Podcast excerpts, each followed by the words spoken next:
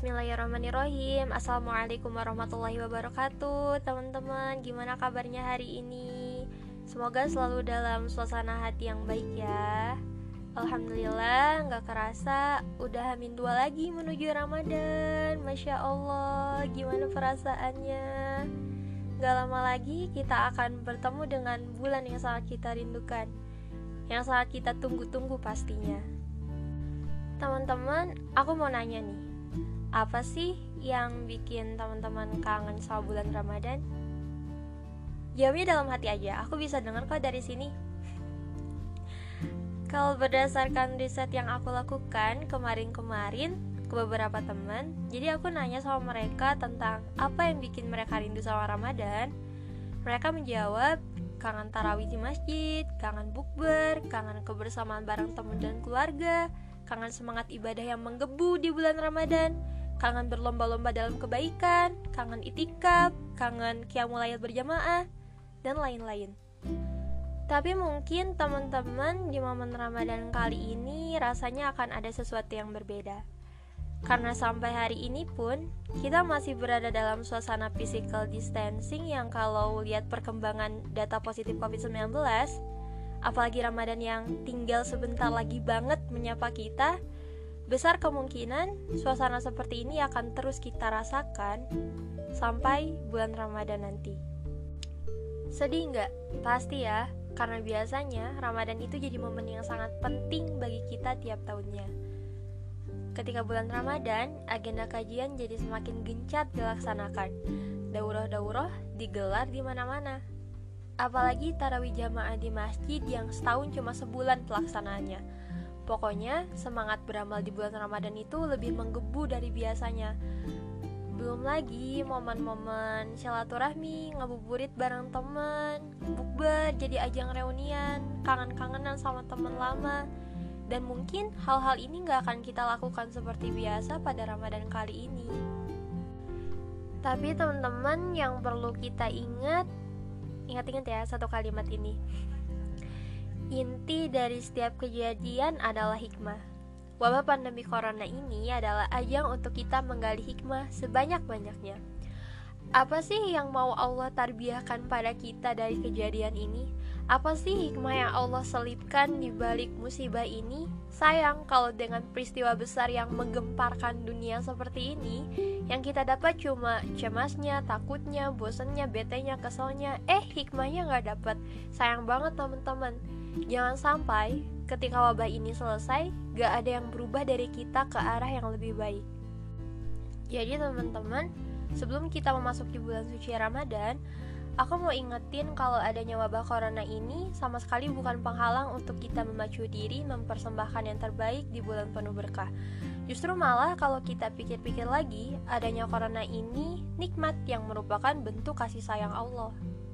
Rasulullah Shallallahu Alaihi Wasallam bersabda, Sesungguhnya Allah apabila mencintai hambanya, maka dia akan mengujinya. Jadi, ujian itu adalah bentuk kasih sayang Allah, teman-teman. Dan dalam ujian ini, Allah pengen banget kita lulus. Maka berusahalah untuk lulus. Gimana caranya lulus? Caranya adalah menyikapi ujian ini dengan tepat, dengan cara-cara yang Allah suka dan Allah harapkan.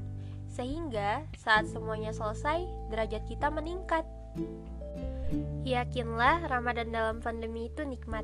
Teman-teman, di Ramadan tahun-tahun sebelumnya, saat kita sekolah secara normal, bekerja seperti biasa, kerasa nggak pekerjaan demi pekerjaan, tugas demi tugas, itu menyita waktu kita untuk memaksimalkan ibadah. Kalau aku, kalau udah masuk Ramadan tuh rasanya pengen cepet-cepet libur, duh kapan ini liburnya? Gitu. Karena pengen banget bisa itikaf di masjid. Pengen banget bisa berlama-lama sama Quran. Meskipun pada hakikatnya kalau kita niatkan ibadah pekerjaan dan tugas itu ibadah-ibadah juga kan. Tapi kita pengen dong di bulan Ramadan lebih banyak capaian tilawahnya lebih banyak sholat sunnahnya lebih sering murojaahnya. Pengen kan? Dan tahun inilah teman-teman kesempatannya dengan kita di rumah aja akan lebih banyak waktu luang yang kita punya Makanya sebisa mungkin kita maksimalkan apa yang gak bisa kita lakukan, apa yang gak bisa sering kita lakukan di Ramadan-Ramadan sebelumnya. kita maksimalkan waktu di rumah aja ini untuk memperbanyak tilawah, memperbanyak sholat sunnah, memperbanyak murojaah. Kita maksimalkan pada Ramadan tahun ini. Selain itu, sedikitnya interaksi kita dengan orang-orang di luar sana akan sangat menjaga nafsu kita. Kita yang biasanya susah nahan gibah, Ramadan tahun ini menjadi mudah. Karena mana teman-teman gibahnya nggak ada. Kita yang biasa Allah uji dengan orang-orang yang Allah pilih untuk menjadi perantaranya dalam menguji emosi kita, alias singkatnya orang-orang menyebalkan, jadi nggak ada. Nikmat nggak sih teman-teman? Bagi kita manusia yang begitu lemah ini, yang mudah banget buat condong sama nafsu, harusnya suasana seperti ini tuh adalah nikmat yang begitu besar, ya kan? Nafsu itu cenderung bertolak belakang sama apa yang Allah suka. Misalnya, kalau ada teman yang ngajak kajian sama teman yang ngajak nonton ke bioskop, jujur hati kita lebih milih yang mana? Atau kalau kita lagi kajian sama nonton, yang mana sih yang sering bikin kita ngantuk? Kalau dulu para generasi salaf, mereka sengaja menjauhi orang-orang untuk mencari waktu luang jadi kalau ada temennya yang ngajak ngobrol ngajak ngumpul-ngumpul ngajak santai-santai berbincang-bincang mereka seringnya menolak karena mereka pengen punya waktu berdua-duaan dengan Quran, dengan hadis Rasul, dengan sirah nabawiyah. Kalau kita susah ya. Kadang nih kita udah berniat. Nanti sore-sore mau tilawah satu juz sambil nunggu waktu buka. Eh taunya ada temen yang ngajakin ngabuburit cari makanan. Oh iya aku kan belum punya makanan buat buka. Ya udah nanti lagi aja tilawahnya. Gitu kan begitu mudah sekali nafsu itu mengalahkan rencana baik kita nah dengan keadaan kita yang kayak gitu sekarang Allah beri kita kemudahan gak usah kesulitan lagi melawan nafsu kita toh Allah udah kasih suasananya udah di rumah aja, ibadah aja, gitu kan. Nah, sekarang tinggal kita menjalankan apa yang Allah suka tadi, yang biasanya suka tertunda karena godaan-godaan nafsu kita. Dan lagi soal bukber nih. Mungkin di tahun-tahun sebelumnya kita terhitung jarang buka di rumah bareng keluarga karena agenda bukber yang begitu menumpuknya. Bukber bareng temen TK, SD, SMP, SMA, kuliah, belum eskul-eskulnya, organisasinya, bukber eskul basket SMP misalkan, bukber OSIS SMA. Wah, pokoknya banyak deh. Bayangin, jika kita hidup dalam 30 organisasi dan ke-30-an yang ngadain bukber, maka habislah Ramadan dengan bukber di luar. Kapan bareng papa mamanya? Dan sekarang inilah waktunya kita bukber di rumah, sebulan bareng keluarga, bercanda tawa, bersuka cita, momen-momen hangat membangun kedekatan keluarga yang sebelum adanya wabah covid ini, kita mungkin jarang dan susah cari waktu untuk bersama mereka. Ramadan kali ini juga akan menguji nih keimanan kita Apakah tarawih kita bergantung sama masjid atau enggak? Apakah semangat ngaji kita bergantung sama sanlat-sanlat apa enggak? Di mana pun, kapan pun, bagaimanapun keadaannya, semangat seorang yang beriman untuk meraih ridho Robnya nggak akan berubah seharusnya. Maka Allah ingin pembuktian iman itu di Ramadan kali ini. Apa kita akan rajin tarawih serajin kalau dilaksanakan di masjid? Apakah kita akan rajin nontonin kajian via online seperti biasa kita hadir dari satu kajian ke kajian lain bareng teman-teman? Apakah kita akan rajin menghidupkan malam meski nggak lewat itikaf di masjid? Nah, di sinilah kita diuji.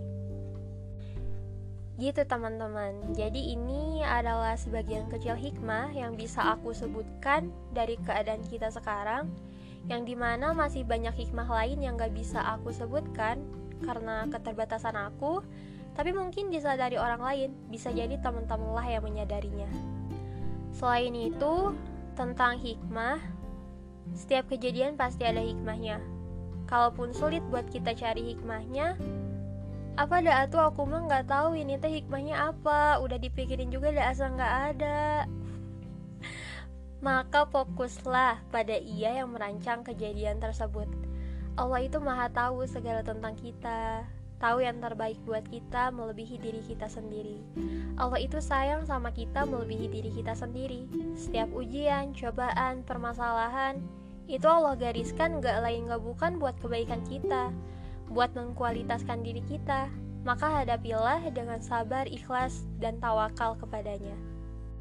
Lihatlah Siti Hajar, ketika beliau ditinggalkan oleh suaminya, Nabi Ibrahim alaihi salam, di padang pasir gersang tak berpenghuni, apa beliau bisa metik hikmah di awal?